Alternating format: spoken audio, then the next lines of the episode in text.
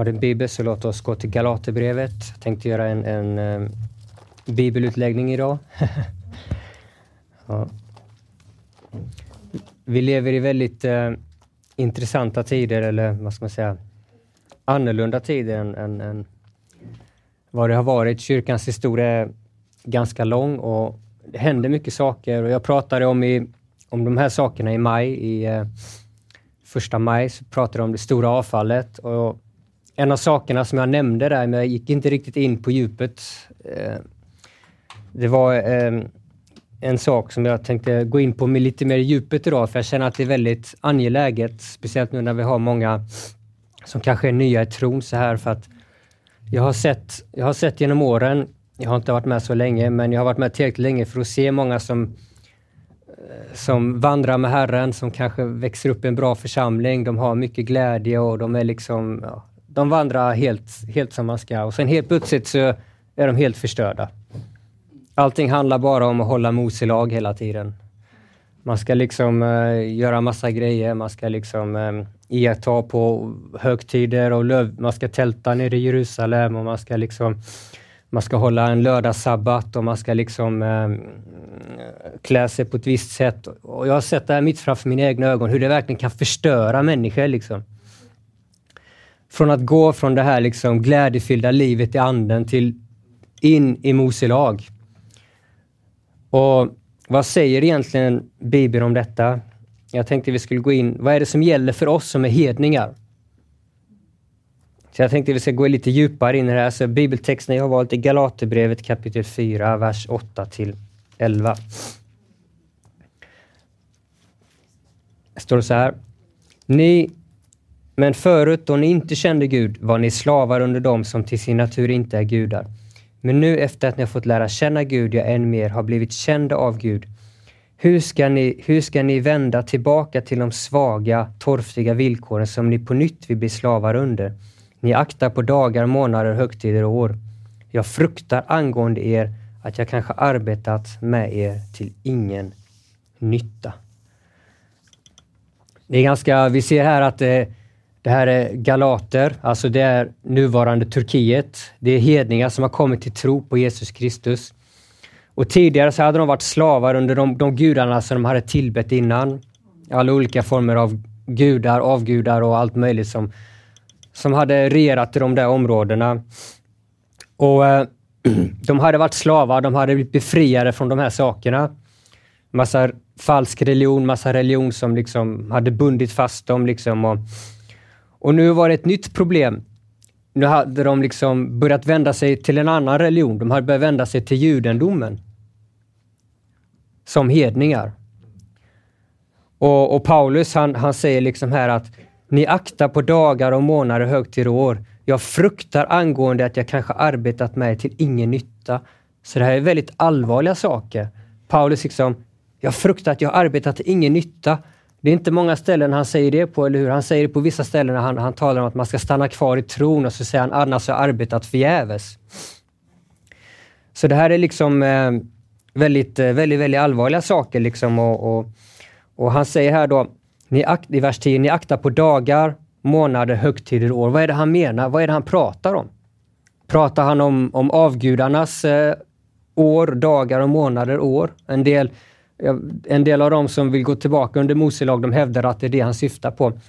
Men hela brevet syftar inte på det. Man måste läsa saker i sitt sammanhang. Man kan inte bara slita en vers ut ur sitt sammanhang och få det, då kan man liksom hitta på vad som helst.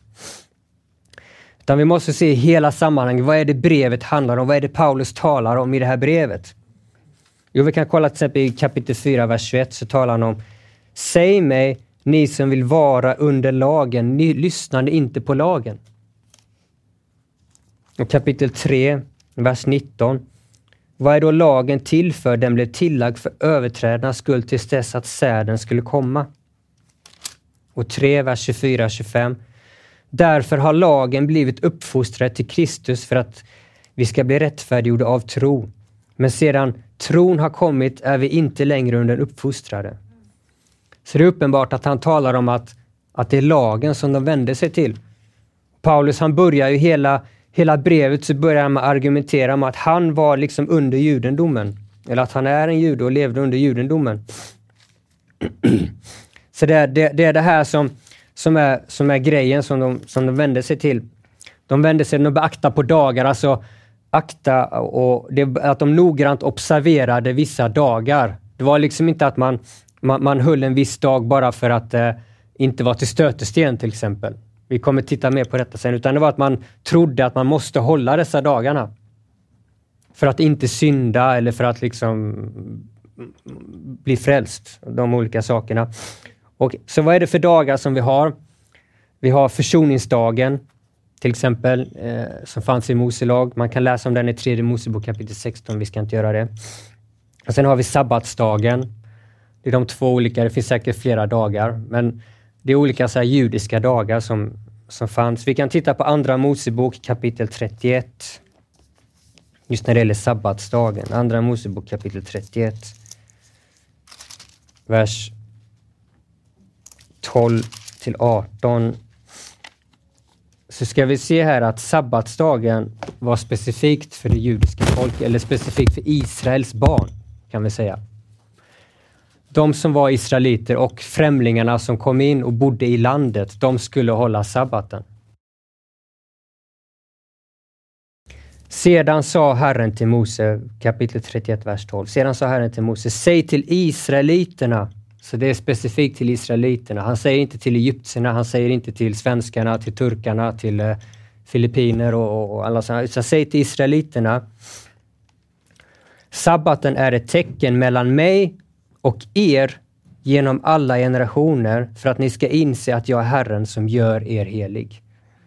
Så här ser vi att sabbaten är ett tecken mellan israeliterna som är, som är Guds folk då och honom och det ska vara ett tecken på alla generationer.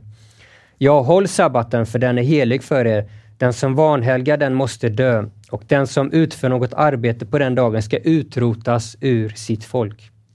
Sex dagar ska arbete utföras, men den sjunde dagen är sabbat, en vilodag helgad åt Herren. Den som arbetar på sabbaten ska straffas med döden. Dödsstraff alltså. Israeliterna ska hålla sabbaten och iaktta den från generation till generation som ett bestående förbund. Det är ett evigt tecken mellan mig och israeliterna. På sex dagar skapade nämligen Herren himlen och jorden, men på den sjunde dagen vilade han och återhämtade sig. När Gud hade talat till Mose på berget Sinai gav han honom de två stentavlorna som ett förbundstecken på vilka Gud hade skrivit med sitt finger. Så det är väldigt tydligt att Gud gav sabbaten till israeliterna som ett förbundstecken mellan honom och hans folk. Så det är de olika dagarna. Och sen har vi månaderna som Paulus nämner här. Vi har till exempel nymånad eh, som vi kan läsa om i fjärde Mosebok kapitel 28.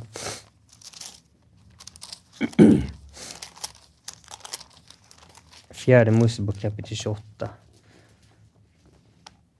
Vers 11 till 15.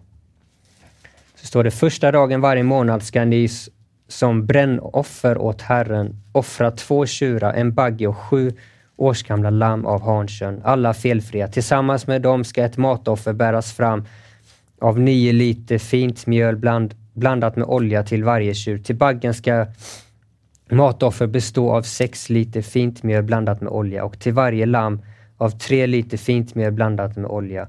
Detta brännoffer ska vara ett eldsoffer, en, välbeha en välbehaglig luft, lukt inför Herren. Tillsammans med varje offer ska ett dryckesoffer bäras fram eh, och så vidare och så vidare. Så här ser vi att det var en, en en ny månad. Varje ny, varje ny månad så skulle man bära fram de här olika offren. Och sen har vi högtider. Det är väldigt populärt idag att folk ska hålla massa högtider. Jag ser det hela tiden. Man bara går in på Facebook och så är det massa trumpeter och grejer och folk håller på med sina högtider och grejer. Och eh, De kan vi läsa om i... Vi kan gå till Andra Mosebok kapitel 12. Och det fanns sju olika högtider. Det var påsk, trumpeternas högtid, pingst, lövhyddohögtiden, det osirade brödets högtid, förstlingshögtiden och nyårshögtiden tror jag, om jag inte har helt fel. Andra Mosebok kapitel 12. Och det specifika med det här också, det var att om vi tar till exempel påsken, så äh, även detta var ju designerat till Guds förbundsfolk. Andra Mosebok kapitel 12, vers 24. Så står det så här. Följ dessa regler som en bestående förordning för er och era ättlingar. När ni kommer in i det land som Herren har lovat er ska ni fortsätta fira på samma sätt. Och när era barn frågar varför firar vi den här högtiden? Då ska ni svara, det är ett påskoffer åt Herren som gick förbi Israeliternas hus när han dödade egyptierna. Han skonade våra hus och folket böjde sig och tillbad Herren. Så här ser vi att det var också liksom ett, ett, ett, eh, en högtid som man höll för att påminna sig om att man hade blivit befriad från Israels slaveri. Vi ser även i vers 43 till 49 i samma kapitel så står det så här att Herren sa till Mose och Aron detta är stadgan om påsken. Ingen utlänning får äta av lammet. Alltså vi svenskar, vi får inte ta del av påsken. Eller fick inte. Men varje slav som köpt ska äta det om han blivit omskuren. Så du fick ta del av det om du först om, omskar dig. Ingen som tillfälligt bor hos er och ingen daglönare får äta det. Detta ska ätas i ett och samma hus utan att föra något ut ur huset och ni ska inte krossa något av dess ben. Hela Israel ska fira denna högtid. Om det finns någon utlänning som bor tillsammans med er och vill fira Herrens påsk måste alla män först omskäras. Sedan kan han komma och delta och då skall, var, då skall, då skall vara som en israelit, men ingen oomskuren får äta det. Lagen gäller lika både för israeliten och invandraren som bor ibland er. Så vi ser att, att de här olika sakerna, högtider och, och sabbat och så vidare, det gavs specifikt till israeliterna. Och för att få del av det så behövde du omskära dig. Och Det är det som blir väldigt intressant för att när vi kommer in i Nya Testamentet, vad var den stora grejen i Nya Testamentet? Vad är det liksom som de hela tiden diskuterade? Jo, det var de här grejerna vi ska diskutera. Det var exakt de här grejerna som, som var ett problem i den tidiga kyrkan. Och eh, Vi ska titta på detta nu när vi går till Nya Testamentet. Vi ska gå in i Apostlagärningarna kapitel 15 tänkte jag. För där var just den här frågan var besvarad. Vi som är hedningar, vi som inte är födda israeliter, behöver vi hålla dessa grejer? Det fanns lärare i, i, i det nya testamentet som gick runt och sa till dem att, att eh, om ni inte håller dessa grejer så är ni inte riktigt frälsta eller ni syndare mot Gud. Och Det här var liksom diskussioner då som uppstod i den tidiga kyrkan. Hur ska vi relatera om man inte är jude? Om man inte är israelit? Vad är det som gäller? Och det är hela, de diskuterar hela, hela paketet, alltså alla, alla fem Moseböckerna. Hela lagen diskuterar de. Jag ska försöka förklara det så tydligt som möjligt så att vi, vi förstår här eh, vad det är som gäller. Så Apostlarna kapitel 15. Jag ska titta på en del olika bibeltexter här tänkte jag. Mm. Sådär. Apostlagärningarna kapitel 15 så, ehm, så diskuterar de just den här frågan då om vad det är som gäller, den här gamla, gamla testamentets eh, lagar och um, olika saker. Så står det så här, och några män kom ner från Judeen och lärde bröderna, om ni inte låter omskära er enligt seden från Mose kan ni inte bli frälsta. Så här ser vi det första. Kommer du ihåg att jag sa att för att, kunna, för att kunna ta del av sabbaten och påskhögtiden och så vidare så var du tvungen att omskära dig.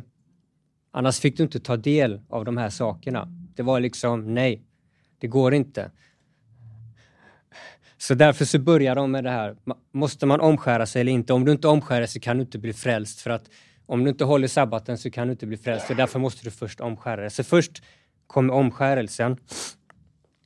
Då uppstod en oenighet i vers 2 och Paulus och Barnabas kom i allvarlig dispyt med dem. Så Paulus och Barnabas de var fullkomligt enade. Det var ingen dispyt mellan Paulus och Barnabas utan det var Paulus och Barnabas mot dessa lärarna som sa till dem att ni måste omskära er.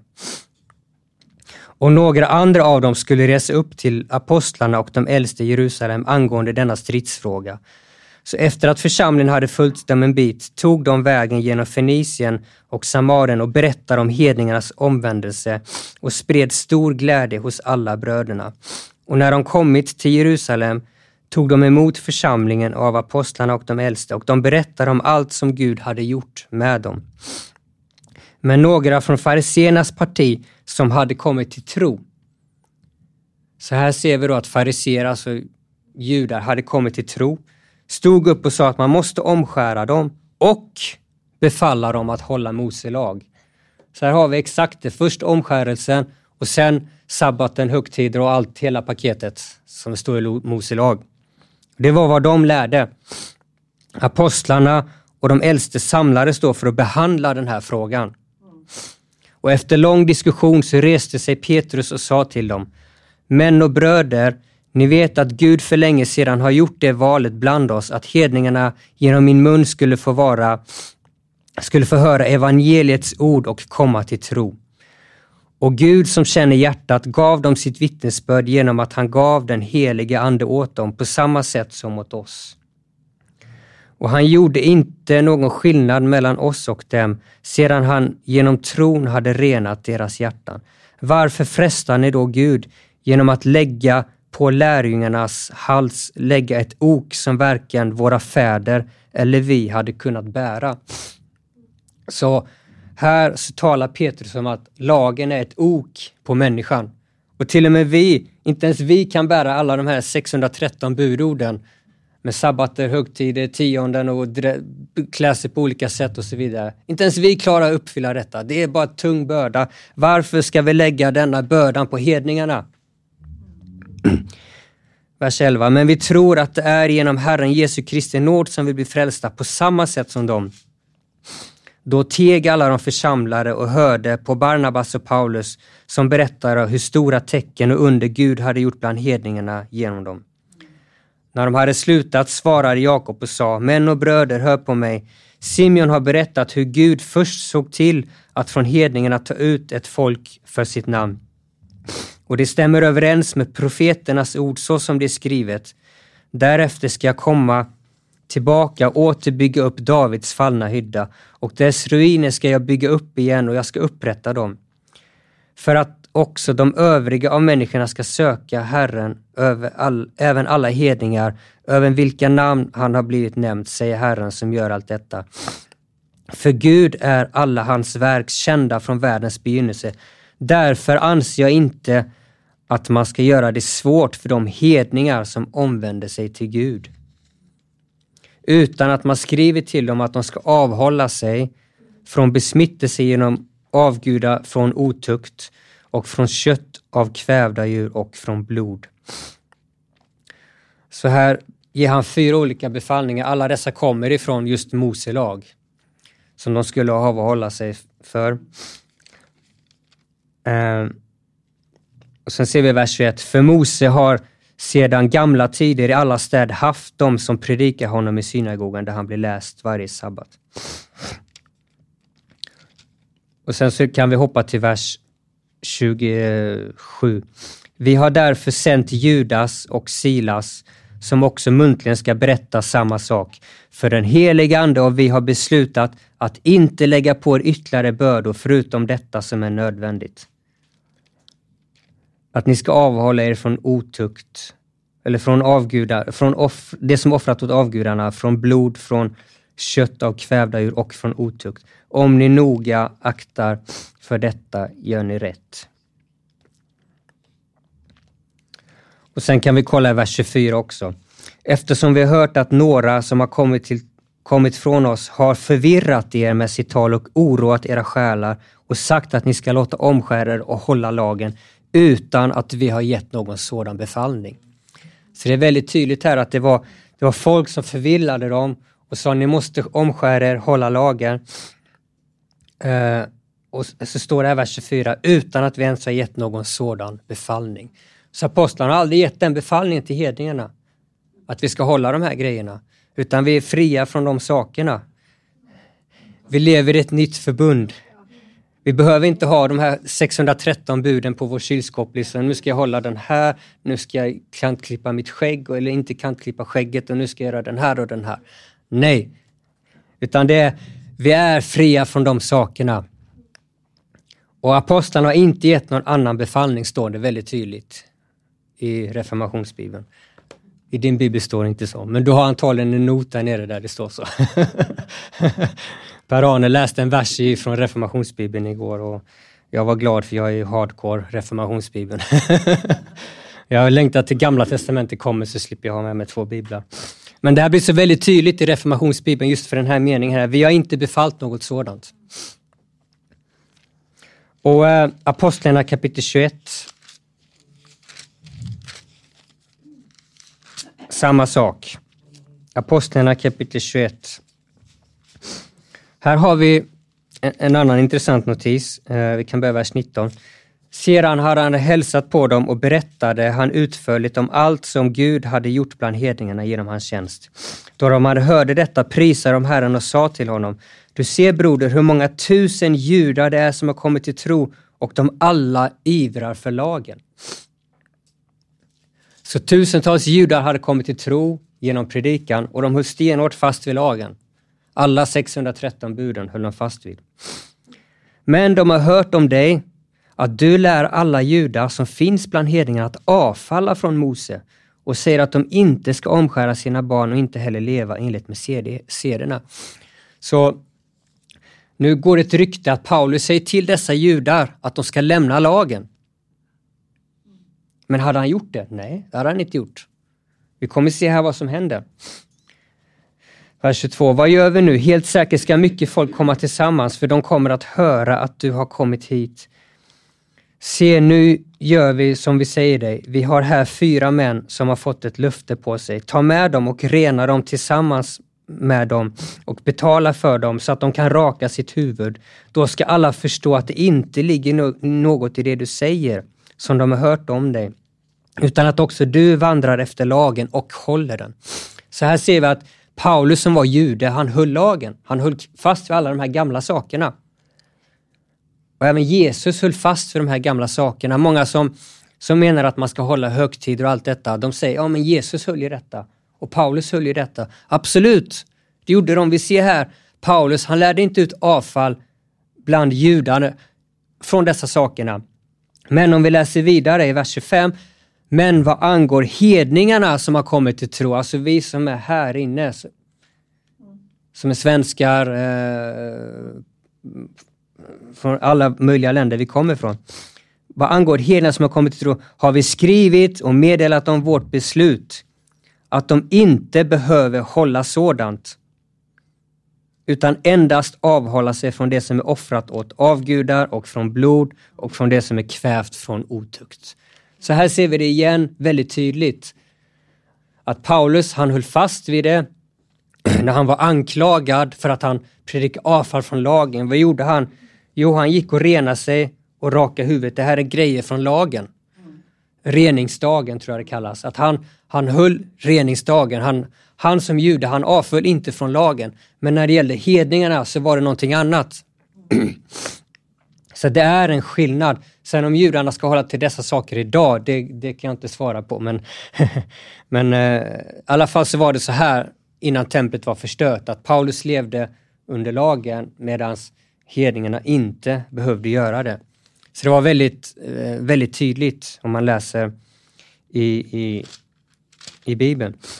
Och om vi går vidare i Nya Testamentet så ser vi detta också i Kolosserbrevet så talar Paulus till kolosser, alltså greker, icke judar.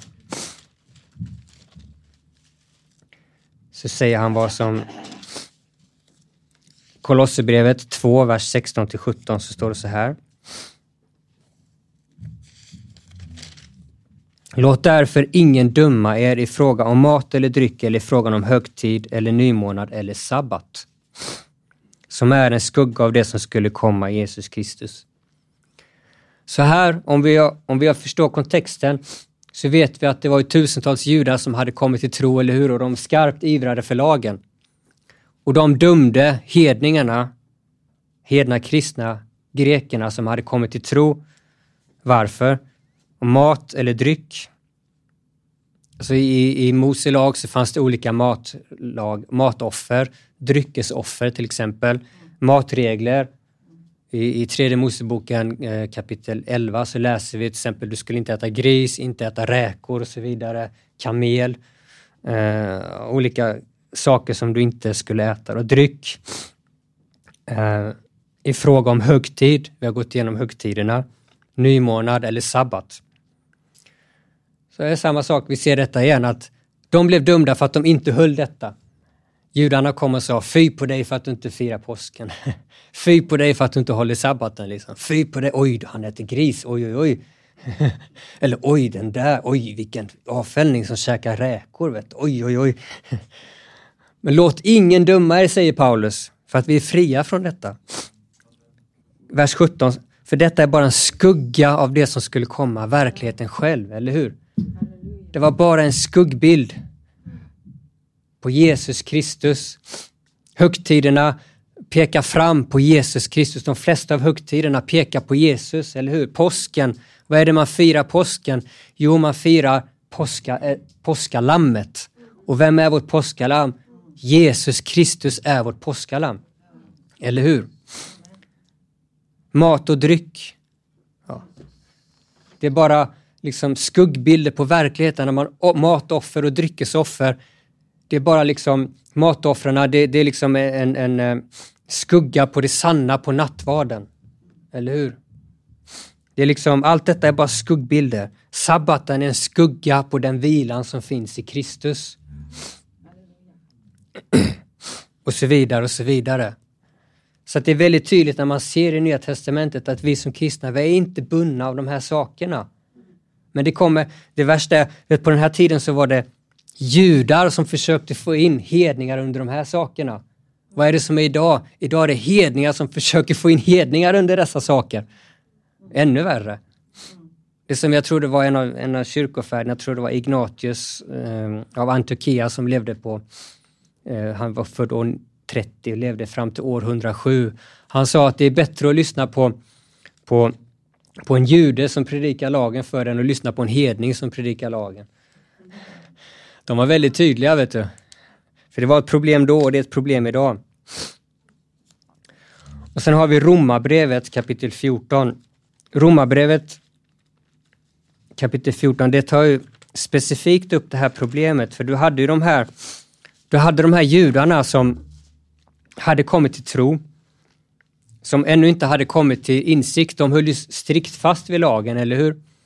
Och sen hade du hedningarna som inte gjorde det. Så Paulus han talar om att en del ser upp till vissa dagar och andra inte och så vidare. Det är relationen mellan, mellan hedningar och, och, och, eh, och judar som han talar om. som fanns i församlingar, man skulle inte döma varandra för det. Och eh, i vers 17 så säger han så här. För Guds rike är inte mat och dryck, utan rättfärdighet och frid i den helige Ande. Så här syftar han ju på gamla förbundets mat och dryckregler till exempel. Att det består inte av de här sakerna, utan det består av rättfärdighet, alltså göra det som är rätt. Och frid, frid med Gud och frid med människor. Och glädje i den heliga Ande. Det är de sakerna som är det viktiga, inte vad du äter eller dricker. Du är inte liksom en avfällning för att du käkar nyårsräkorna på nyårsnatten. Det kommer, då, det, det, kommer de som om man postar, om, om, du, om du, du kanske inte har så mycket Facebook-vänner, jag brukar acceptera nog många, men, men, men, så jag har allt möjligt folk på min Facebook. Men om jag skulle posta en bild på ett par räkor på nyår, det skulle alltid, det kommer säkert någon där, du är avfällning. Du lyder inte lagen. Säkert, det, kommer, det finns jättemycket sådana idag. Och det är alltid någon hedning också som, som vill hålla sig till de där sakerna. Så det handlar inte om de här sakerna. Samma sak Hebreerbrevet, det talar om att, Hebreerbrevet kapitel 10, det talar om att, eh, att lagen 10 och 1, Hebreerbrevet 10, vers 1, så står det så här. Lagen som ju har en skugga av det goda som kommer men inte själva bilden av tingen kan aldrig med samma offer som ständigt bär fram år efter år fullkomna de som träder fram. Så lagen är ju en skugga av det goda som skulle komma och det kan inte fullkomna oss på något sätt.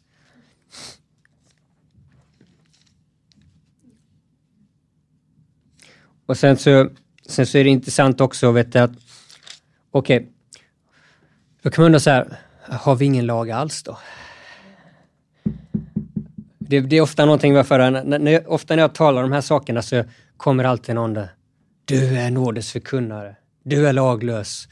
Vilket är väldigt intressant för när jag predikar om lydnad så kommer det andra folket, liksom, du är lagisk, du är självrättfärdig. så vad är det som gäller? Jag säger så här att lagen gäller inte oss som är hedningar. Men vi har de här fyra buden.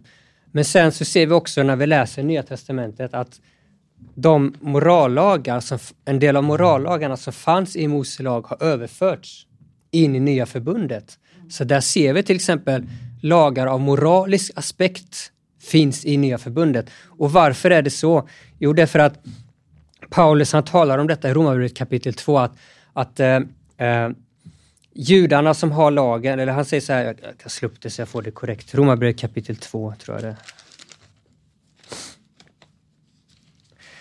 är. Ehm.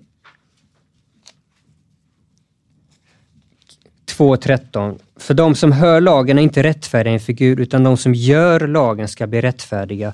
För när hedningarna som inte har lagen av naturen gör vad lagen säger, då är de sin egen lag trots att de inte har lagen. Det visar att det som lagen kräver är skrivet i deras hjärtan. Och om det vittnar också deras samveten och deras tankar som sinsemellan anklagar eller försvarar dem. Så här ser vi att hedningarna då som inte hade Mose lag, de hade inte tio budorden, de hade inte alla de här lagarna och reglerna. De har lagen i sina hjärtan. Varför? Jo, därför att vi är alla Guds avbilder. Vi skapade till Guds avbild. Så när Gud har skapat oss så la han ner lagen i varje människas hjärta oavsett om vi är svensk, jude eller grek eller whatever vi är. Och dessa moraliska aspekter eller dessa Guds karaktärsdrag, de la Gud in även i Mose lag. Så det är därför vi hittar moraliska bud även i Mose lag. Så det som man brukar kalla moraliska bud, det gäller för alla människor, alla tider gäller oss också som troende. Och det är de vi ska liksom... Du ska inte mörda, men det är självklart även, även liksom även sta, olika stater lägger in dessa, detta i sina lagar, eller hur? Sverige under det som kallas Kristi lag, alltså det som Jesus predikade och som apostlarna eh, förde över. De sakerna gäller oss, så vi är inte laglösa utan vi har de här moraliska sakerna och det finns nedlagt i våra samveten. Så det är väldigt, det är väldigt viktig aspekt att, att, att, att vi förstår detta att som, som kristen, du är inte under Mose lag, men det finns ändå, vi är inte helt laglösa överhuvudtaget. Vi kan inte leva som vi vill. För Jesus han predikar det, vet du. han sa ju det att, att, att eh, det, det är inte de som kallar mig Herre, Herre, utan det är de som gör det jag säger. Eller hur? Så Jesus talar om en lag och många Många menar ju då att ja, men Jesus han menar gamla testamentets lag. Han menade liksom att vi måste hålla sabbat och vi ska inte käka räkor och sådana grejer. Eftersom att det var Jesus, han upphävde ju inte lagen. Nej, Jesus upphävde inte lagen, för den var ju kvar även efteråt, eller hur? Lagen är ju kvar än idag. Och vi ser ju allting i gamla förbundet, vi ser det som principer för oss, vi ser det som lärdomar, eller hur?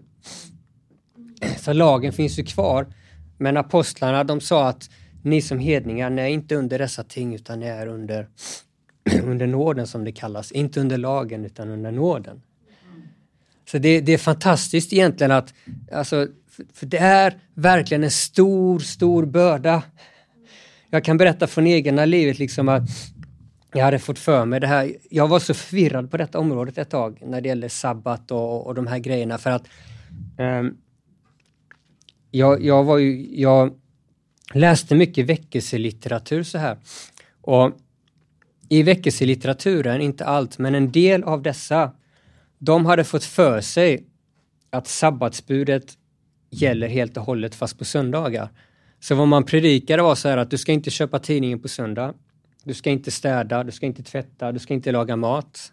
Du ska inte göra någonting, du ska bara hela 24 timmar för Gud. Liksom. Så jag trodde att det var så, så jag började liksom försöka här 24 timmar, bara nu ska jag liksom hålla sabbaten här. Jag ska liksom inte göra någonting, inte köpa någonting, jag ska liksom vara Gud 24 timmar och det gick ju inte så bra. och det blev den här, liksom, den här tunga bördan som lagen gav. Liksom. Man tappade all glädje, man kände liksom att depressioner började komma och sen kände jag liksom köttets gärningar började komma fram också. Det hade jag inte haft så mycket problem med innan. Liksom, var kom det ifrån? Ja men det är klart, om man ställer sig under lagen då hoppar man ur nåden. Och hoppar man ur nåden så har inte nåden någon kraft över synden. Så det är det som sker när man, liksom, när man strikt ska gå in under lagen istället för att hålla sig till, till nåden. Hålla sig till att leva i anden och så följer man efter anden istället. Så håll, och så låter man liksom anden leda så att vi kan leva efter det nya förbundets natur, eller hur? Kärleksgärningarna, vad står det? Vandra i anden, så ska du inte göra vad köttet har begär till. Och vad är andens frukt? Och det är kärlek, eller hur? Och det intressanta är att Paulus, han talar om detta med att vandra i anden, ett brev som han talar om att inte gå in under lagen. Så jag tror väldigt mycket, väldigt mycket av vad vandra i anden handlar om att inte vandra i det gamla förbundet. En sån enkel sak. Och jag har märkt det också liksom att när, när, när jag insåg detta, när jag förstod detta, för att vad jag gjorde var att jag var så förvirrad på detta så jag började, jag började om från början. Jag började läsa jag tänkte jag ska läsa kyrkofäderna. det kanske inte är så bra att läsa kyrkofäderna i allt, men, men, men just när det gällde detta, de var väldigt tydliga. Det fanns ingen avvikande åsikt, alla sa samma sak. Vi är inte under sabbaten, sa de. Vi är inte under dessa högtider och de här judiska, eh, eh, under de här judiska grejerna. Vi är inte under de sakerna och det fanns ingen som sa någonting annat. Och det här liksom med eh, att man skulle hålla en strikt sabbat på någon söndag. Det var mycket, det var mycket så i pingströrelsen förr i tiden. Och det kommer egentligen från 1600-talets puritaner. Det var de som började med detta. Um, puritanismen var en rörelse, de trodde på barndop och massa konstiga grejer. Och söndagssabbat och, och reformärt teologi och massa sådana grejer. De började med det här liksom att du ska liksom helga sabbaten, du skulle inte resa och liksom de skulle stänga alla tåg och de införde dödsstraff mot eh, häxor och bröt mot sabbaten, fy på dig. Liksom. Det, var, det var det här väldigt lagiska som kom genom puritanismen som hängde kvar mycket i kyrkans historia och som hänger kvar mycket än idag. Men från början var det inte så, utan från början, från början så, så var vi fria från detta. Men sen kan det vara att du kan ju hålla, alltså du kan ju hålla sabbat om du vill. Det kan ju vara till exempel att du, du bor i Israel och du vill nå judarna. Då kan det vara väldigt bra att hålla det för att inte vara en stötesten, eller hur? Paulus han säger själv att han omskar Timoteus av hänsyn till judarna. För att hans pappa var jude eller om det var mamman. Så, så de av hänsyn till dem gjorde de detta. Att de gick under lagen, men det var inte för att de trodde att man måste hålla den utan för att de ville nå judarna. Sen man kan ju om man vill, alltså det är inget problem man vill, så länge man inte tror att man, att man syndar, att man måste hålla det. Det är det som är den stora skillnaden. Och det är där många går snett idag, att man liksom får för sig att man måste hålla de här sakerna. Nej, vi är fria från de här sakerna. Och det är en underbar glädje bara liksom när ett sånt ok bara lyfts ifrån oss. Eller hur? Så eh, så det är varningens ord idag, att gå inte in under Mose lag. Gör inte det, för att det kommer att förstöra det och du kommer stöta på detta om du inte redan har gjort det. För att det är liksom som en våg som går nu. Det kom, börjar komma, alltså, 2010 började det komma väldigt mycket av det här in i Sverige. Och, eh, och det finns väldigt mycket av det där ute och det är mycket förvirring angående de här sakerna. Så därför så är det, det mitt varningsord till, till er idag. Amen.